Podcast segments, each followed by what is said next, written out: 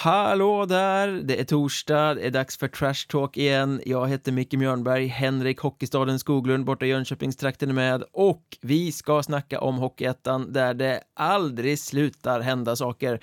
Ny spännande omgång igår igen som vi givetvis ska avhandla. Har du någon liksom övergripande känsla in i det här eh, avsnittet? Eh, att det börjar dra ihop sig mm. eh, kring strecken är väl ungefär min övergripande känsla och att det i vissa serier är ett väldigt spännande spelprogram framåt också. Om man tänker i den kontexten då att eh, det börjar gälla lite nu vid streckstriderna. Mm, det är ju egentligen bara den eh, östra serien som inte har någon spänning överhuvudtaget. Jo, nej, där är det väl. Eh, jag har suttit och vridit och vänt på det där och räknat och kollat spelschema och alltihopa. Men nej, det, där är, är det avgjort.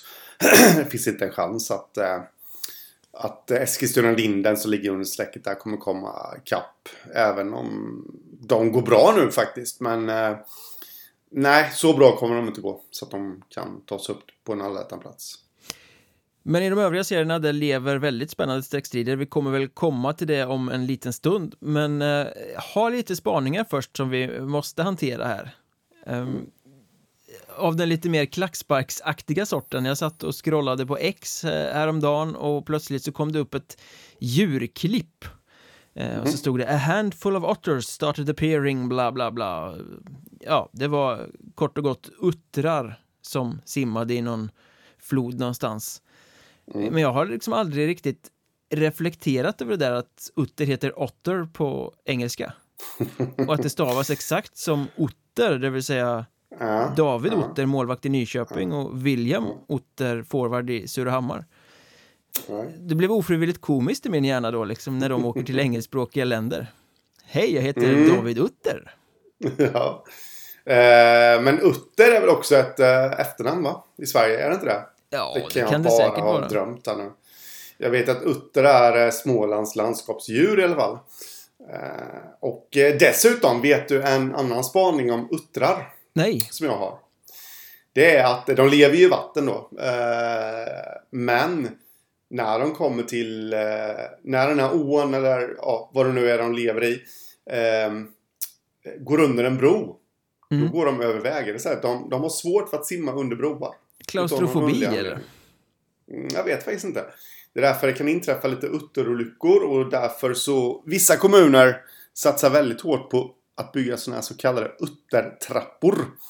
Eh, gå upp helt enkelt ifrån, ifrån vattnet och eh, som en spång under bron så kan de klättra där över.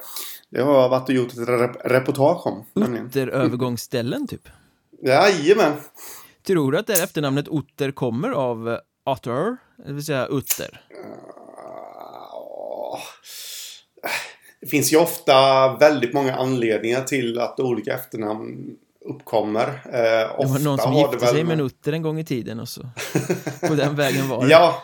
Nej, men det är ju liksom dels det här då. Eh, ja, men somnamnen då. Det vet vi alla varför de har uppkommit. Mm. Vi har ju dessutom eh, det här med ja, men lindblom och alltihopa där. Och det slå ihop olika träslag och, och eh, soldatnamnen. Men sen har vi även namn som härstammar från ställen så att säga, alltså platser. Mm. Eh, så jag vet inte, det kan garanterat vara något sånt att det finns någon by någonstans som heter Otter. Där det bodde många uttrar. Ja. ja. Men man heter ju inte David Bäver till exempel. Eller det kanske det finns någon som gör också. Ja, man vet aldrig i dagens samhälle. Nej, vi kommer nog inte till någon lösning. Det var bara en, en spaning. Det blev festligt när det dök upp. Eh, tanken hade mm. aldrig slagit mig tidigare, men nu kommer jag aldrig kunna borsta den ur huvudet. Nej. Eh, en annan rolig grej, eller rolig grej, ja, nu har Daniel Manberg gjort sex matcher för eh, Boden och det innebär ju att han har ju spelat en match mer än vad Joakim Rodin gjorde för eh, Karlskrona. Och man får väl säga att det här är två av de mest högprofilerade värvningarna som har kommit till i Hockeyettan den här säsongen. Med tanke på meriter ja. från eh, högre nivå och vad de kom in med för förväntningar på sig. Mm. Eh, kan man säga att det är lite samma typ av spelare?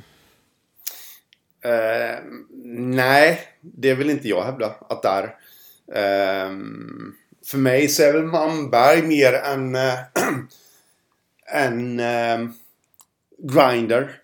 Så tillvida, om man nu ser honom i äh, SHL-kontext. Ja, men det är väl det man måste det, göra. Ja, det är mer en sån som ehm, ja, ska in och spela 0-0 helt enkelt och allt annat är en bonus. Om man kollar i SHL och det är en roll han har haft väldigt, väldigt länge. Eh, fram tills han hamnade i Modo då.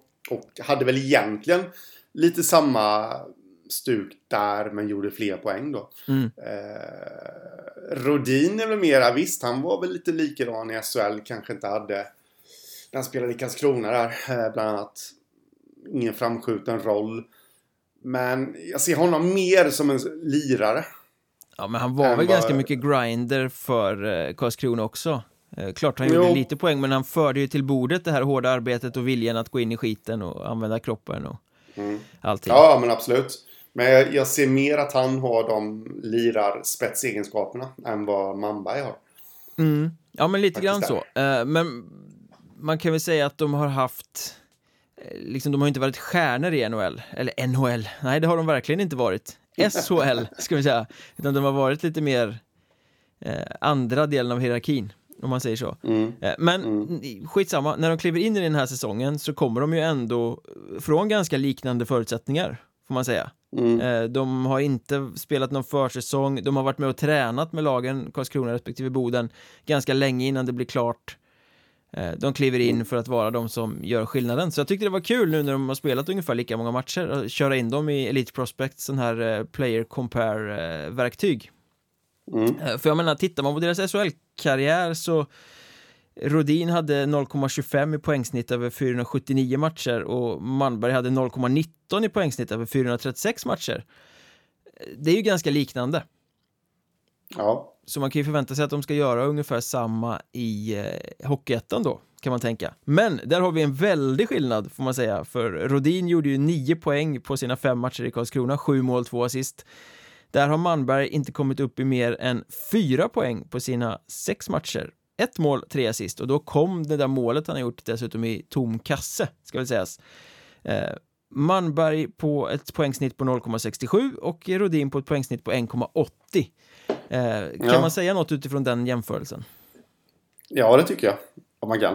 Eh, för det första så är det väl eh, två helt olika lag de har spelat i. Eh, nu förvisso så eh, kan man ju tro då, man kan ju få för sig att Boden är ett lag som gör lite färre mål i Karlskrona. Så är faktiskt inte fallet. Eh, Nej, de matcherna som eh, Manberg har spelat, de sex, så har Boden tagit fem segrar och förlorat en. De har 30-11 i målskillnad. Mm. Och i Rodins mm. fem matcher för Karlskrona vann de fyra och förlorade en, hade 23-7 i målskillnad. Mm, precis. eh, så det kan man ju få för sig, men någonstans ändå så tycker jag att eh, ja, Boden har ett annat spel. Karlskrona är mer, de är väldigt välorganiserade bakåt alltihopa. Men de har mer förmågan att kunna ligga på, kunna ja, vara mera spetsiga än vad jag tycker att Boden har. Eh, där helt enkelt. Mm. Så jag, jag, tror inte att det, oavsett hur vi ska även föra till protokollet är att Boden har lite enklare motstånd tänker på än vad Karlskrona har. Ja. Om vi ska vara lite krassa. Väldigt mycket enklare eh, motstånd skulle jag säga. Mm. Så eh, därav att det kommer fler mål från, ja vad ska man säga, fler spelare. Eh, men jag vill fortfarande hävda att de spelar på ett annat sätt. Karlskrona är mer spetsiga offensivt i hela sin spelstil än vad Boden är. I Boden så är det det hårda jobbet som ska gå först det tuffa spel som ska gå först. Sen kommer målen. Mm. Ungefär så. så och så, målen kommer ju automatiskt för att de har enklare motstånd. Så det finns ingen anledning för Bodens supportrar att känna lite oro över att Malmberg inte har producerat särskilt mycket nej, för att vara en SHL-meriterad supervärvning? Nej, det tycker jag inte. Jag tycker väl snarare mer som så här att tänk när de ska ner och möta brödernas Väsby i allettan sen ifall de hamnar i samma serie. Det är mycket möjligt att det kan blir en match som står 1-1 framåt slutet. Då är Manberg en perfekt spelare som kan kliva fram och avgöra. Mm. I ett sånt scenario. Så att, jag menar. Han är ju verkligen en spelare som vet hur det är att möta lag av eh, Väsbys kaliber. Verkligen. Så nej, jag tycker definitivt inte att man ska vara orolig. Nej, det kan ju låta som att vi ska komma fram till slutsatsen här att Rodin är the shit och Manberg har varit dålig. Det, så är det absolut inte, utan det, man kan väl mer konstatera att när man jämför siffror på det här viset så att Rodin gjorde en hejdundrande superduper succé som var över alla förväntningar. Eh, Manberg har en lite längre startsträcka innan han rent siffermässigt är där man kan förvänta sig men att han givetvis kommer att bli jättenyttig för Boden. Mm. Um, han hade ju inte spelat. Det hade ju inte Rudin heller gjort såklart. Eh, Nej, de har ju ganska liknande förutsättningar in i det, det får ja. man säga. Men eh, det man kan säga då, om det nu kan skilja på någon månad så, det gör det väl inte heller. Men Manberg har ju haft ett längre avbrott. Mm. Fast å andra sidan inte, för han spelade ju rätt länge. I allsvenskan i våras. I slutspelet alltihopa där. Så nej, jag, jag vet inte. Det, det var en dum jämförelse där. Men jag får ändå för mig att det är lite tuffare att komma in i ett lag en bit in i säsongen. Speciellt ett lag som går bra. Ja, så är det väl.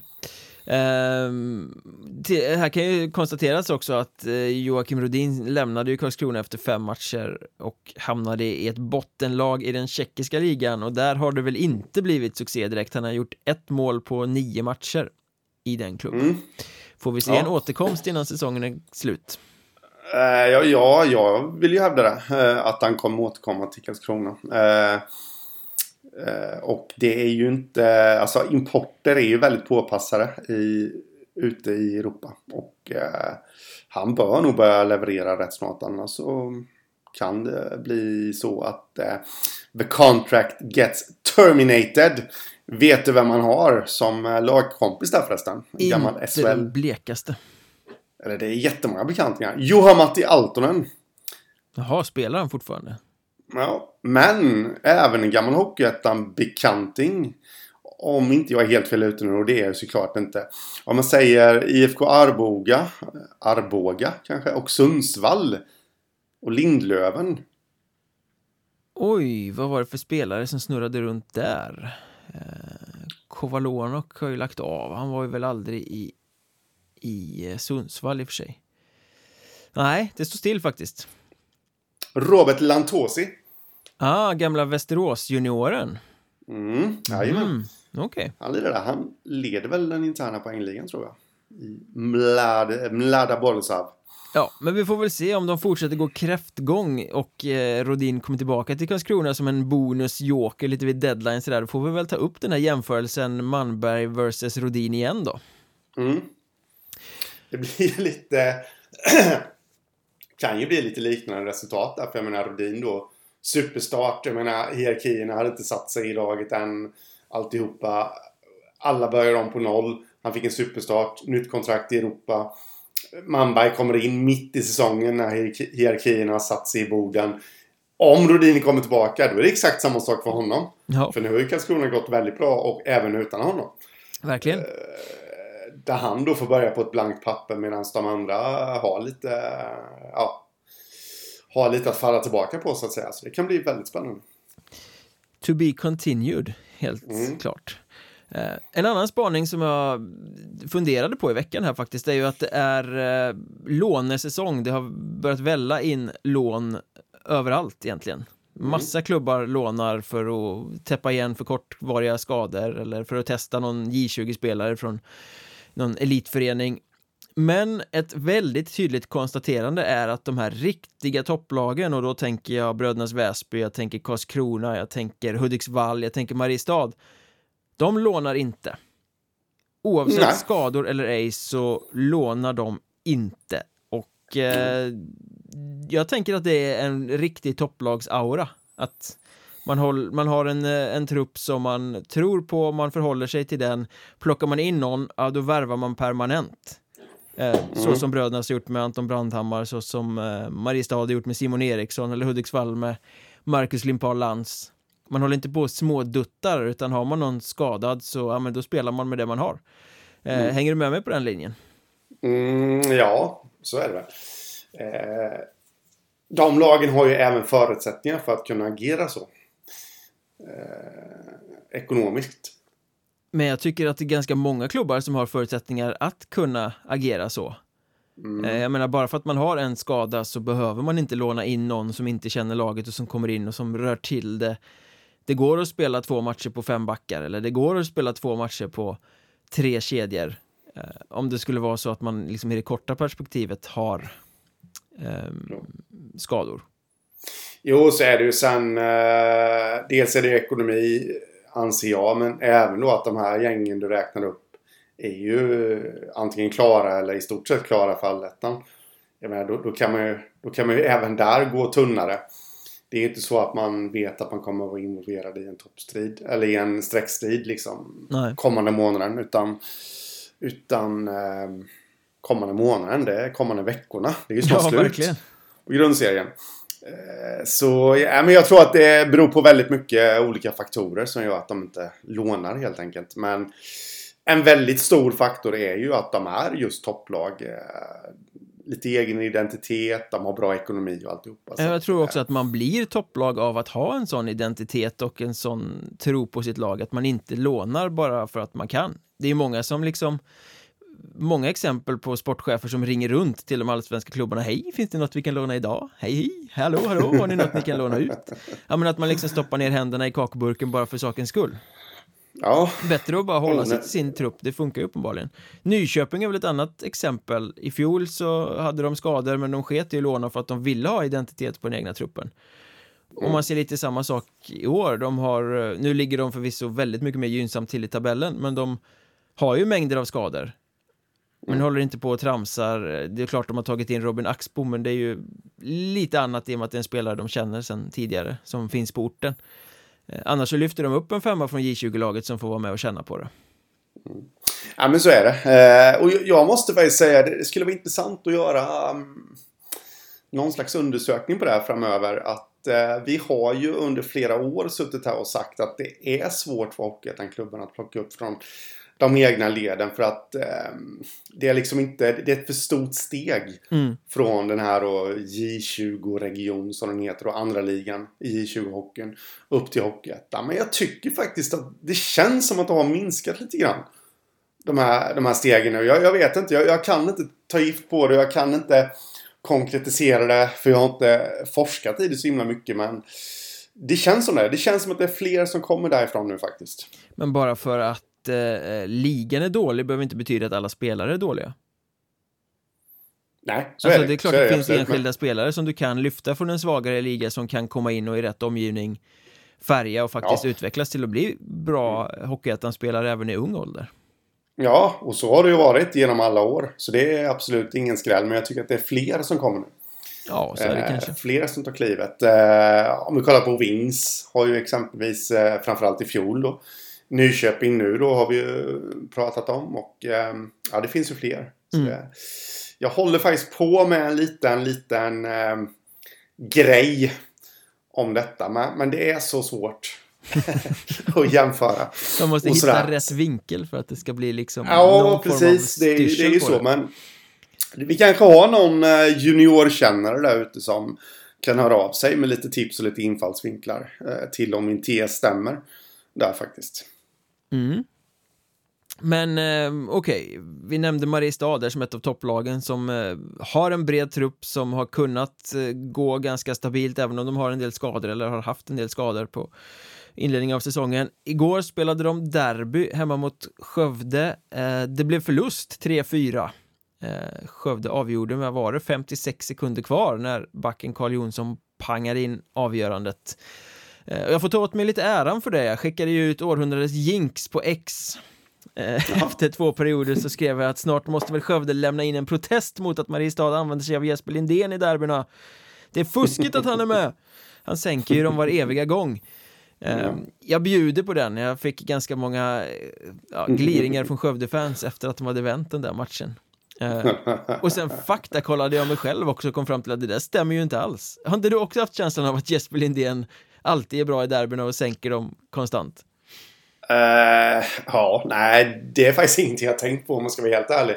just där, det känns som att han alltid är bra och, och liksom den här säsongen kanske han inte gjort så mycket mål. Men ja, han är alltid bra. Det är en spelare som är för bra för Hockeyettan egentligen. Ja men det är det ju, men jag gick och bar på en känsla av att Orsan alltid brutal i derbyna och sänker Skövde. Men mm. ja, han gjorde ju 2 plus 1 i det första derbyt i år. Eh, mm. Men i övrigt så har han faktiskt, jag kollade tillbaka historiskt har han gjort ganska lite poäng i derbymatcherna. Mm. Eh, han hade 1 plus 2 i något derby 21-22 säsongen. Mm. Sen är han ju alltid bra ja. spelmässigt såklart, men eh, min känsla var fel och eh, jinxen blev total och eh, jag, får, jag ger den till eh, Skövde-supportrarna helt enkelt. Ja, det, det är bra.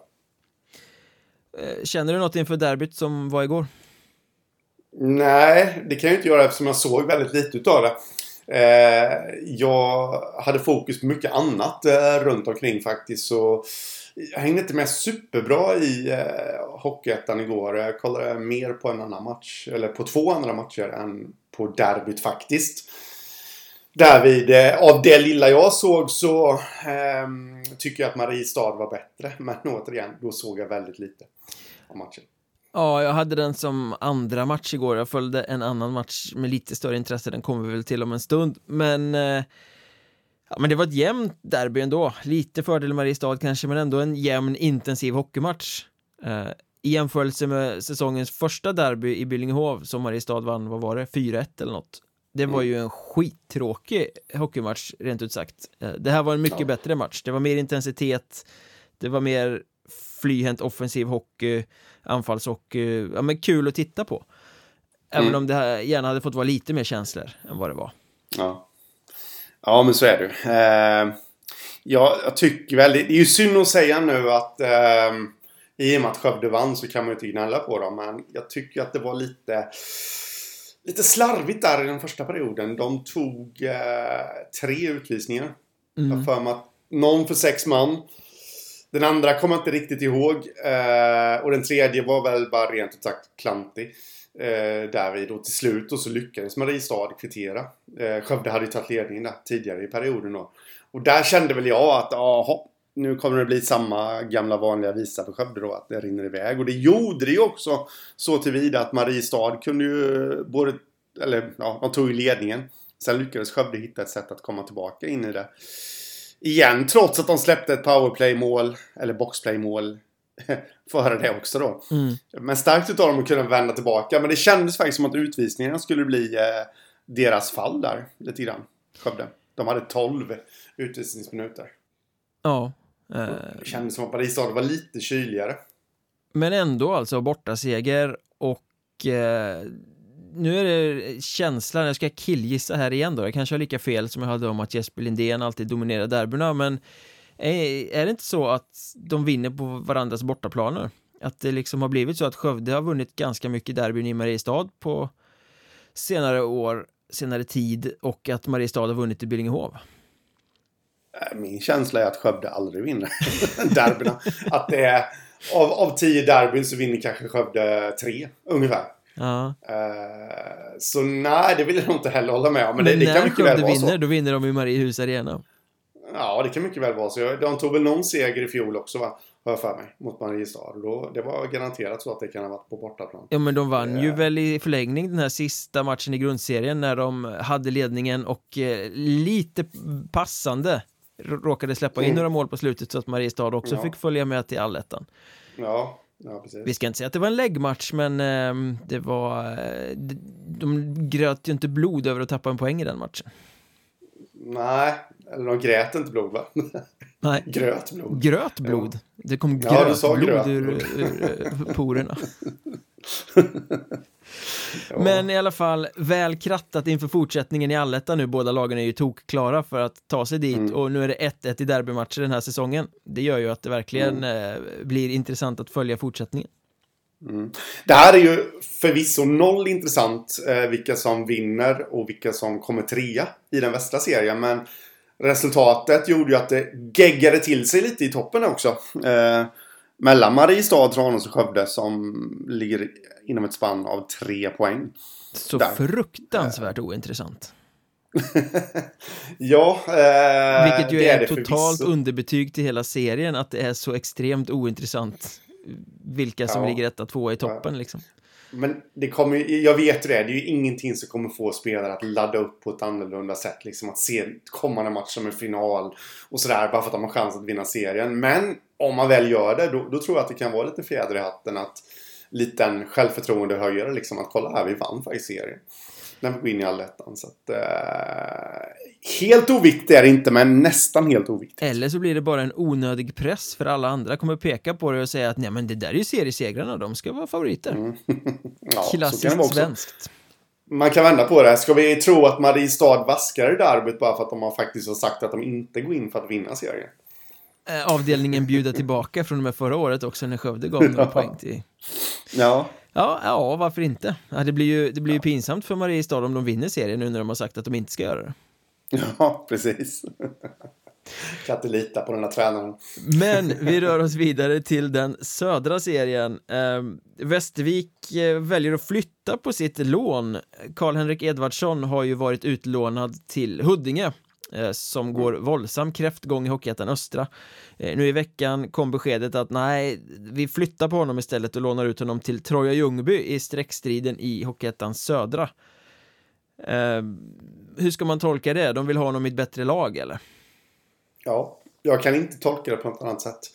Eh, det har inte gått superbra för Edvardsson i Huddinge och eh, det är väl bara... För att vara lite elak så är det väl inte beroende på honom utan det är väl helt enkelt beroende på Huddinge just nu. Han att det går inte bra för dem. Två assist på gjort sju matcher och minus åtta i Huddinge. Ja, så är det ju. Ehm, kommer väl till ett Troja som jag faktiskt tror kommer passa hans spelstel. spelstel. Vi Spel, kan mycket felsägningar idag alltså. Ja, spelstil. Lite mera. Eh, han är ju en power forward och de sa ju själva det att det är en lite spelartyp som vi känner att vi inte har här. Eh, och sen var det väl en härlig jämförelse också. Vad var det Jens Gustafsson sa? Han skjuter som. Ovechkin. Ja. Sätt ingen press. Nej, inget att leva upp till. Nej men alltså, på tal om att leva upp till då. Vi satt ju båda två och var jätteimponerade av Karl-Henrik Edvardsson i fjol. Ja, Jag vet att jag satt och slog min panna blodig mot bordskanten här att Nybro måste värva honom. ja men det var vi väl Eh, ganska eniga om att köp loss honom. Ja. Eh, för att kanske, mm, hade inte riktigt det där för att kunna ta en plats i Allsvenskan i Västervik i fjol. Eh, det verkar ju inte som att han har det nu heller. Eh, men vi vet ju vad han kan på Hockeyettan-nivå. Vi vet vad han kan i topplag. Eh, vi vet att han kan vara den här gubben i lådan, Jokern. Eh, så nej, bra tror jag faktiskt. Jag, jag tror på den, måste jag säga. Mm, och Troja eh, plockar ju då in honom som lån på meriterna från förra året. Eh, Ja, för ja. det finns ju ingenting han har visat i Huddinge som talar för att han ska kunna hjälpa något annat lag. För att han har blivit avslöjad i Huddinge skulle jag vilja påstå. Hans defensiva brister har synts ganska tydligt. Eh, Men så blir det ju när du är ung, när du inte är färdigutvecklad, när du har de här bristerna i spelet. Offensiva kommer ju oftast först, sen måste du lära dig att bli bra defensivt också. Och i ett lag som Huddinge som inte har något stabilt spel, som har inte haft några stabila backar, som inte liksom... Där har du ju blivit mycket mer avslöjad. Jag tror att det kan vara bra för Mm. honom att komma in till ett Troja som är mycket mer defensivt orienterade och eh, liksom organiserade framförallt. Ja, så är det. Det känns ju mer som en repris på Nybro i fjol i Troja än vad det kändes när han kom till Huddinge. Även om jag hyllade lånet där också vet jag att, eh, att han är en spelare som Huddinge skulle behöva få in. Lite jävlar anamma och sånt där också. Men det, det funkar inte där och då är det bara att fortsätta. Känns lite NHL-igt av eh, Västervik. Nah, this doesn't work. We put him in Troja instead. Ja, men precis. Ja, men det är ju en väldigt talangfull spelare och det finns mycket hockey där. Ja. Eh, Så det är mycket Ja, att få ut ur honom. Mm. Och så. Det blir spännande att se. Han fick spela in lina borta mot Tyring igår då, eh, som Troja vann med 7-4 tror jag, eller något sånt. Men han spelade med Oskar Nordin och Mattias Persson, så han fick ju ganska trevlig omgivning direkt. Eh, ja, det fick han. Det kan han absolut inte klaga på. Eh, jag vet inte nu, för jag såg inte matchen, men eh, hade han några poäng? Gjorde han något framåt? Jag tror han blev poänglös. Eh, ska inte ta gift på det, men eh, eh, det var inget som stod ut i alla fall. Nej. Nej. Och när det gäller Troja Ljungby så ska vi också pusha för att eh, alla som stöttar podden på Patreon får ju bonusmaterial eh, i samband med de här ordinarie avsnitten och eh, idag tänkte vi rikta lampan helt och hållet mot Troja Ljungby och diskutera frågetecknen kring Troja. Det finns ju ett och annat som har kommit upp nu när de plötsligt har hamnat i en streckstrid och underpresterat och eh, lånar spelare och vad, vad går truppen för egentligen? Vad har man för ambitionsnivåer? Vad säger femårsplanen? Vi ska eh, vrida och vända på alla frågetecken som har dykt upp kring Troja Ljungby och vi gör det i ett speciellt Patreon-avsnitt bara för denna fråga.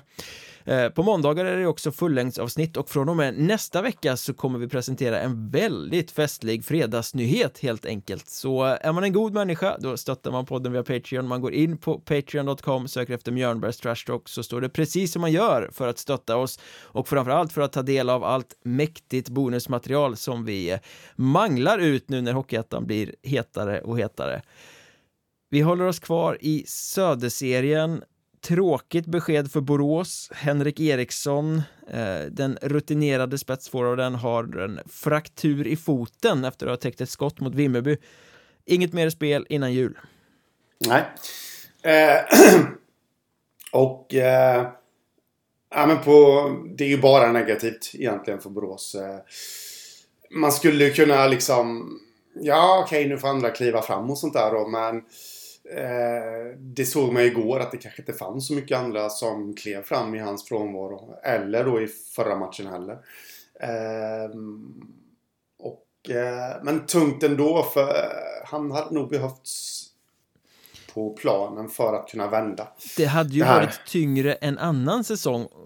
För i år har han ju haft, varit frustrerad och inte alls fått till det offensivt. Han har ju knappt producerat några ja. poäng alls trots att han ska vara loket som drar laget.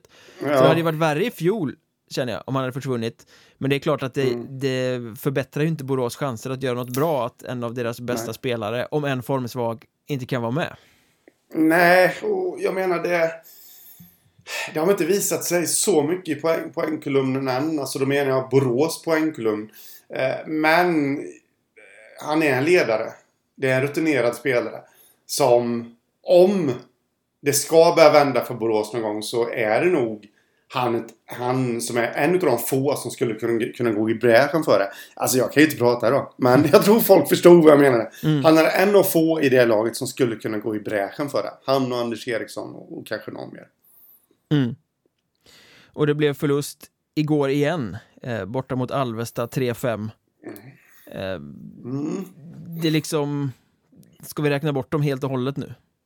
Ja, det tycker jag. Det, nej, det finns inte en chans att de kan ta sig förbi. Jag menar, vi har ju dels då Kriff och Troja i ett race här. Ja. Eh, om allettan och eh, vi har Alvesta som ligger före Borås. Eh, det är ju tre gäng de ska ta sig förbi. Varav två är seriösa utmanare till allettan. Så nej. Fem matcher kvar va? Ja, de har tre mm. segrar under ordinarie tid på 13 matcher. Har tagit ja. 12 poäng och har i nuläget 7 eh, poäng upp till femteplatsen där Troja ligger. Mm. Men då har Kriff en match färre spelad. Mm. Eh, nej, det får bli vår serie för Borås och eh, det är väl egentligen bara för deras del att hoppas lite på att de eh, får med sig Troja dit exempelvis. Så att det blir lite festliga matcher. Mm. Uh, innan vi bara förseglar deras öde fullständigt så kan vi ju liksom säga att den absolut sista chansen kommer till helgen. Då har Borås Kriff på hemmaplan. Mm. Tre poäng eh. där, ett supermåste om man vill skaka fram lite dröm om allettan i alla fall. Mm, För ja, Troja spelar ju sin sida då borta mot Karlskrona och kanske inte ska räkna in några poäng där. Nej, så är det ju. Men eh, det känns ju verkligen som att Kriff är i förarsätet här nu inför den matchen till att eh, ja, kunna ta tre poäng.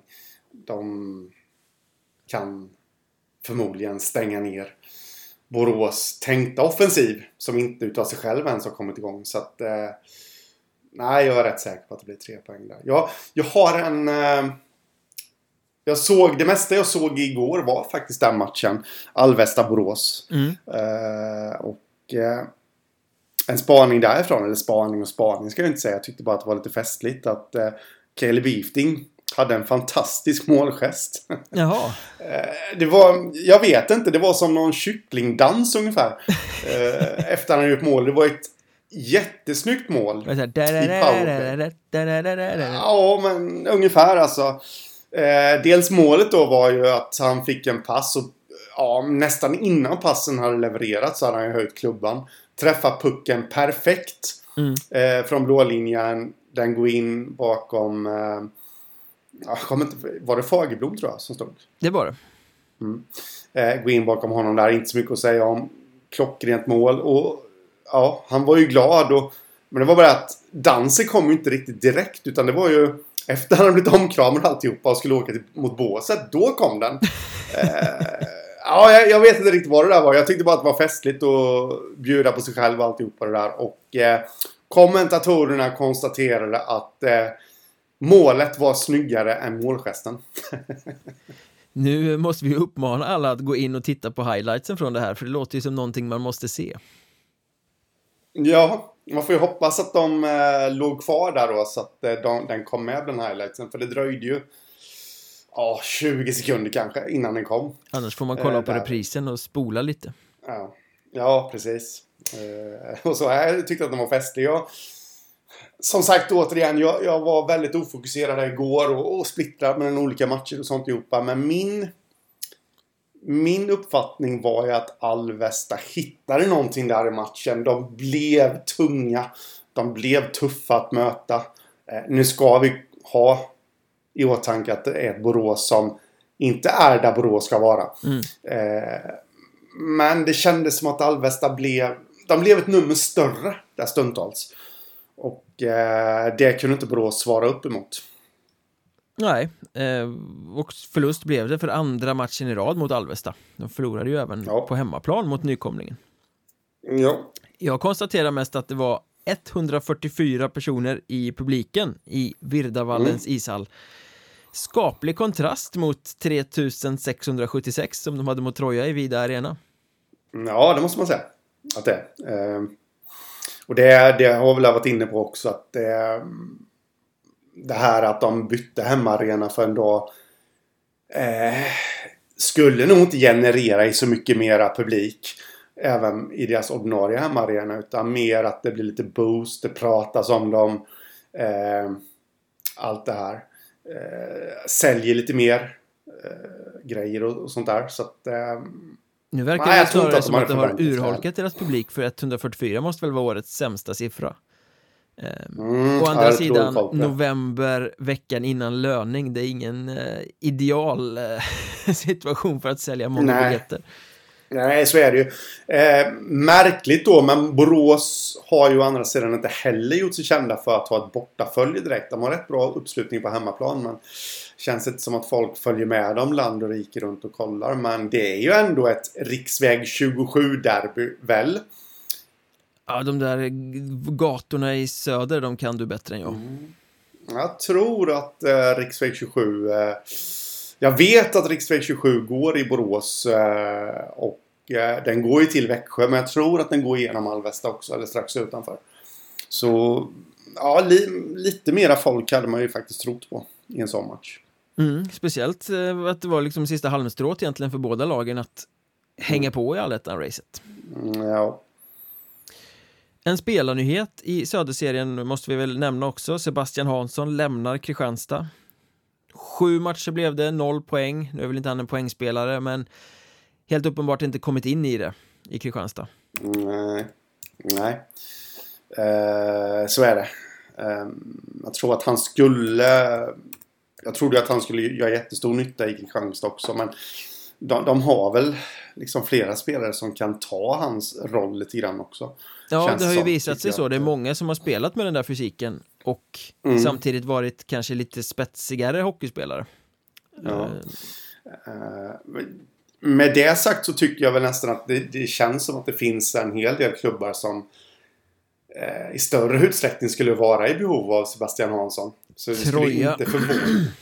Ja, ungefär.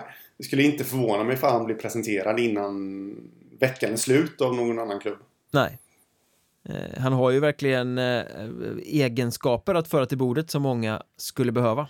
Det är lite burdusa in på kassen. Ta för sig, använda mm. kroppen. Ja. Vi eh, kan också konstatera att vi har fått se säsongens fjärde tränarsparkning i Hockeyettan. Mm. Den här gången var det eh, David Lundmark som fick kliva av från bänken i Wings. Mm.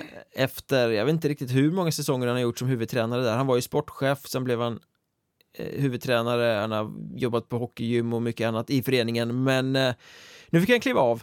Ehm, är du förvånad? Ja, lite ändå. Eh, faktiskt. För...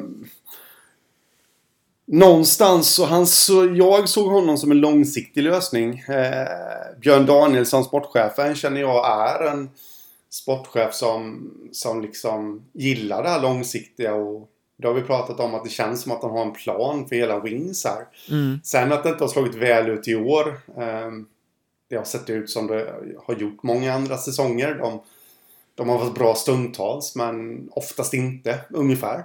Mm. Eh, ja, men jag trodde ändå att man skulle ha mera tålamod med Lundmark där faktiskt.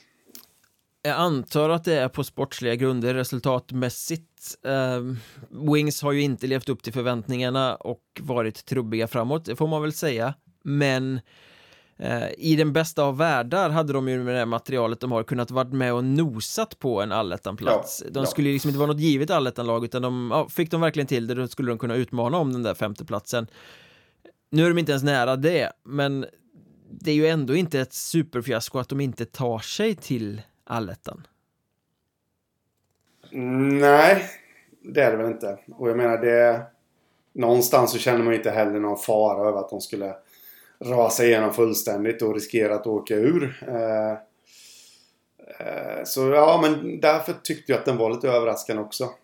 De, har varit Sen... sämre än vad vi trodde, men, men inte så dåliga. Ändå. Sen har vi ju pratat om att eh, de inte gör skitjobbet framåt, att det är för bekvämt anfallsspel, att avsluten kommer från utsida på håll och ingen är inne på kassen mm. och att det är en grej som inte har förbättrats trots att det har sett likadant ut över 12-13 omgångar det kanske är en sån grej som gör att de liksom känner att vi måste ha någon som kan tvinga spelarna att göra det här också eller driva ja, på det lite ja. grann. Byta lite riktning helt enkelt. Eh, men vad jag förstår så har ju då assisterande tränaren klivit upp och sportchefen Björn Danielsson klivit ner i båset som en tillfällig lösning innan de hittat någon ny huvudtränare och att Lundmark ändå ska vara kvar i föreningen och jobba på eh, hockeygymnasiet och som videocoach åt juniorlagen och allt vad det var. Mm. Mm. Eh, blir det så? Är det kul att jobba kvar i en förening när man har blivit lite petad?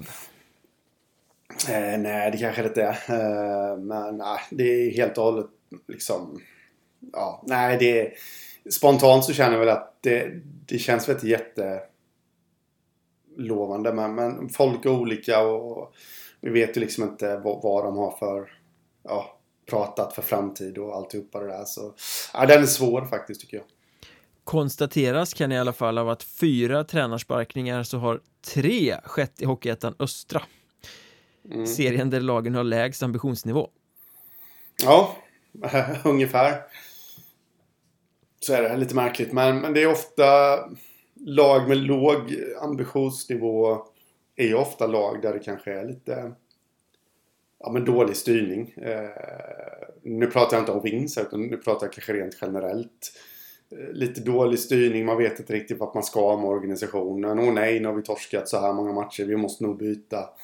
Och så springer man i ett ekorrhjul ungefär. Mm.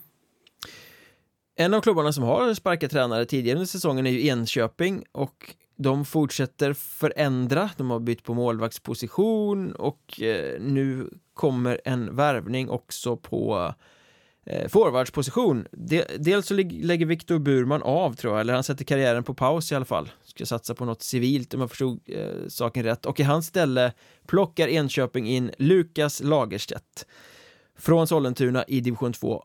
Klingar namnet bekant?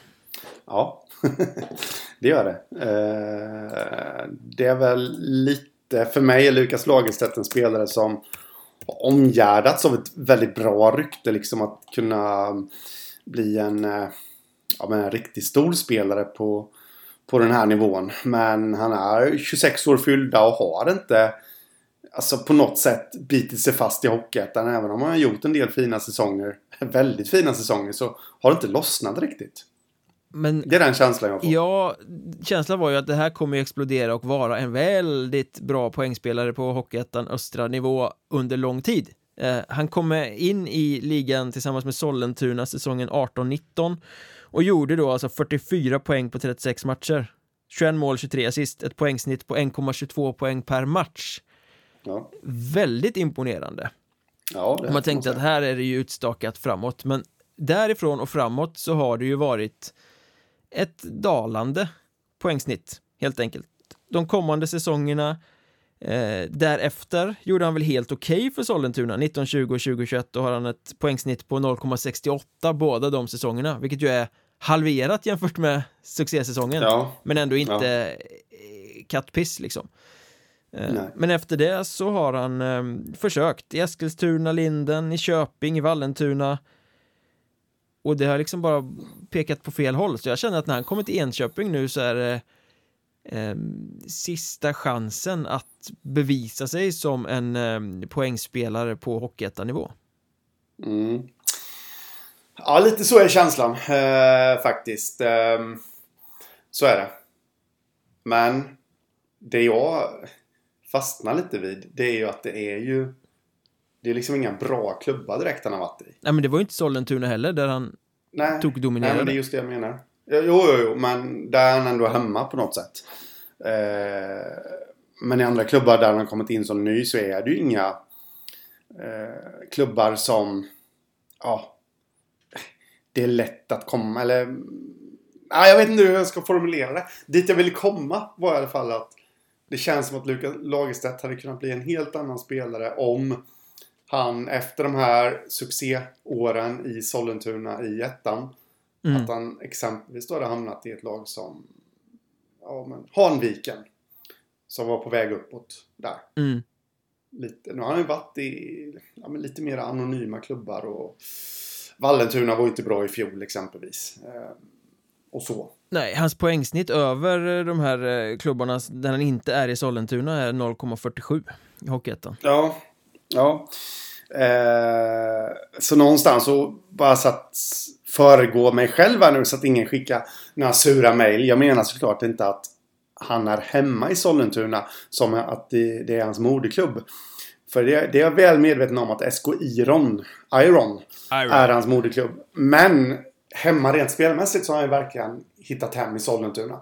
Ja, Och det är ju där han har lyckats. det är där han har spelat i år också, fast i division 2 då. Eh, Ja. Tillbaka på ett poängsnitt så här långt på 1,23. Ja, Så det, ja, Ehm. men sista chansen att visa sig som en poängspelare i Hockeyettan, sista chansen kanske att lyckas utanför Sollentuna. ja.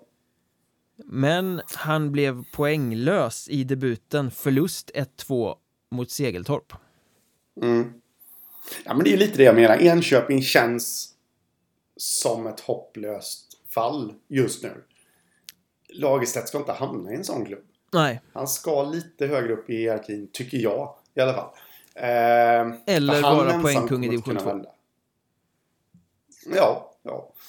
Eh, absolut.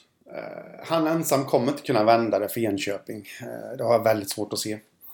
Nu är de nu jumbo dessutom. ja, Segeltorp lämnade eh, den platsen och eh, gick två ja placeringar. de gick väl om både det- Enköping och Huddinge va? Jajamän. Det är ju nästan det mest det intressanta i, på upploppet av den avgjorda Hockeyettan Östra om Segeltorp ska Mm. lyckas placera sig före Huddinge i tabellen eller inte. Ja, exakt. Men vi rör oss vidare till eh, Hockeyettan Västra för där lever streckstriden i allra högsta grad. Eh, jag sa förut att jag tittade lite mer på en annan match än eh, Mariestad-Skövde igår och det var ju givetvis streckkampen, sexpoängsmatchen Forshaga mot HC Dalen. Eh, en match som eh, var Linus Skager show. Han eh, älskade alla ytor han fick på isen och spelade väldigt inspirerat och Forshaga vann med 4-3. Bra reaktion efter den där sunkinsatsen mot Falu IF som höll på att vaska hela deras allettan-chans för nu tog de sig faktiskt tillbaka in i eh, Ja. allettan-racet. Förlust mot HC Dalen och det hade varit kört. Nu blir det vinst och Mm. plötsligt är det bara två poäng upp till Dalen. ja, men tänk då så hade de vunnit mot Falun. Då hade de varit förbi. Ja, ja, den där, ja. när de missar allettan i slutändan så kommer det ju vara den där matchen som de eh, grämer sig över. Ja, eller ja, nu ska man inte vara säker på att de missar. Eh, jag har ju med dem som en utmanare. Eh, potentiell joker här och eh, det som det ser ut just nu så är det ju på väg att kunna bli verklighet. För jag tycker ju att eh, Dalen är... Vi spekulerade det i måndagens avsnitt att är de i en formsvacka Dalen? Jag tycker att det var för tidigt att slå fast det för att då hade de mött Mariestad och Tranås. Eh, jag vill nog gärna se Forshaga också. Eh, de såg inte alls bra ut där Dalen. Så ja, de är i en formsvacka. Ja, det och, finns ingen eh, lyster kring Dalen. Det finns nej. ingen energi i Dalen. Det ser väldigt nej. trött och oengagerat ut. Mm, ja, det gör det. Eh, och det var mycket snack både från kommentatorerna hörde jag under matchen då att eh, de satt kvar i bussen. Och jag såg dessutom bland lite Dalen-supportrar att eh, de var inne på samma linje där liksom. Det var ja, faktiskt riktigt kritiskt från vissa supporterhåll. Mm. Eh, mot Dalen där så... Ja men det ska det vara för att nu de föll ja. igenom mot Mariestad 1-6 och sen torskar de mot Tranås 1-5 och sen kommer de ut och visar ingen energi alls i en så superviktig match mot Forshaga.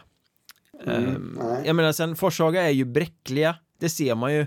De kan äga en match och sen så gör de ett misstag och så fallerar allting. Mm. Eh, så Dalen bjöds ju in i matchen vid flera tillfällen och hade kunnat vinna den här matchen med lite medstuds Även om Forshaga mm. var det hungrigare, var det bättre laget såklart.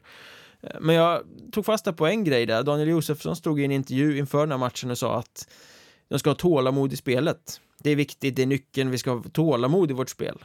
Eh, Men när man tittar på matchen så känns det ju som att det där tålamodet Slår över i någon form av passivitet. Ja Nej, det känns lite sådär. Um, och uh, jag tycker att det är svårt att sätta fingret på vad det är som är fel. Om det är att det är någonting spelmässigt som gör att de inte kommer loss eller ja, vad det nu kan vara liksom. Uh, de var ju ändå starkare. Alltså, de hittade ju in i matchen igen.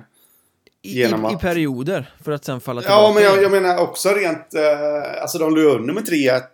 Lyckades på ja, men två, tre minuter komma upp till 3-3 mm. innan andra periodpausen där. Men lyckas ändå få matchen att glida i händerna. Mm. Eh, ja, det är lite alarmerande faktiskt. Och, ja, frågan är ifall Dalen kommer reda ut det här. Nu har de en rätt lätt match här framöver mot, är det Falun? Mjölby tror jag det. Mm.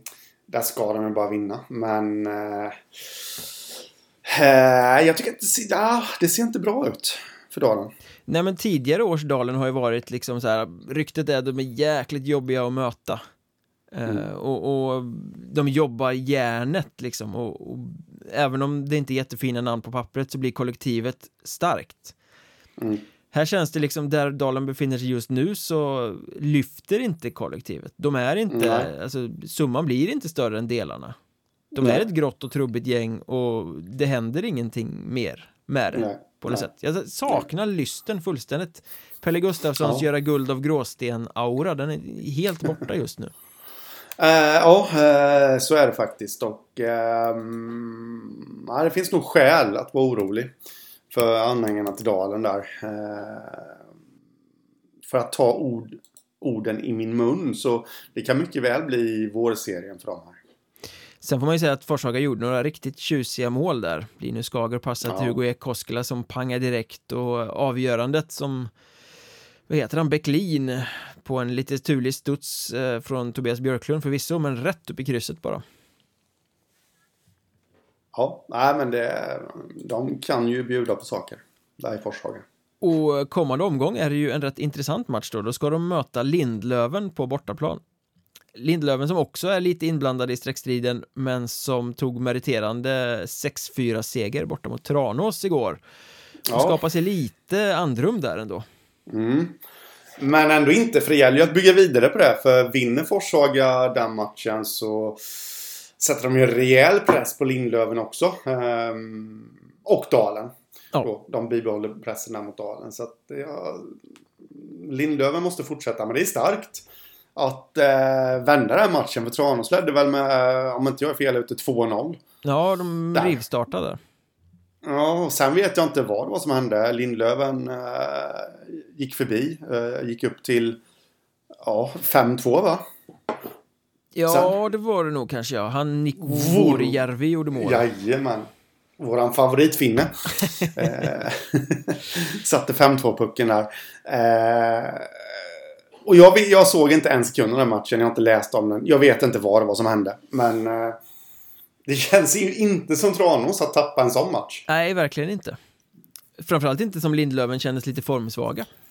No. Men eh, som där vi står nu så är ju streckstriderna i eh, västra och södra superintressanta. Ja. Eh, till helgen kommer det också visa sig hur den norra utvecklar sig. Eh, där ligger ju Kiruna IF och Strömsbro på samma poäng tror jag, varsin sida om strecket. Kiruna IF är spellediga i helgen och Strömsbro har hemmamatcher mot Boden och Piteå. Mm. Hur det går där kommer säga ganska mycket om fortsättningen också, vilket är de där två lagen som är ja. det som eh, tar sig mot allettan för att Hudiksvall, Boden, Piteå och Sundsvall känns ju rätt klara. Mm. Ja, så ja, jag tycker ju att vi har ju gnällt lite på seriemakarna så här genom åren men oj vad de har fått till det här nu i den västra serien. Vi pratade ju nyss om Lindlöven, Dalen och Forshaga. Eh, vilka då, alltså de möts ju internt i de kommande matcherna här nu. Eh, Lindlöven har ju Forshaga som vi var inne på. Eh, Dalen mötte eh, Forshaga igår. Mm. Och sen har vi Dalen-Lindlöven. I nästkommande omgång, alltså om två omgångar. Eh, intressant. Där kan mycket komma att avgöras och vi kommer givetvis att eh, fortsätta hålla ögonen på detta. Eh, nu känner vi oss dock klara för idag. Vill ni komma i kontakt med oss, skriv på X, där heter jag att Mjornberg, Henrik heter att Hockeystaden och poddens konto är att Mjornbergpodd. Finns också på Facebook och Instagram och finns framför allt på Patreon. Där kan man också skriva till oss om man eh, stöttar och är med och eh, där ska vi nu snacka om Troja Ljungby, frågetecknen kring Troja Ljungby. I övrigt så hörs vi väl nästa vecka igen. Det gör vi. Ha det gött. Detsamma. Tja.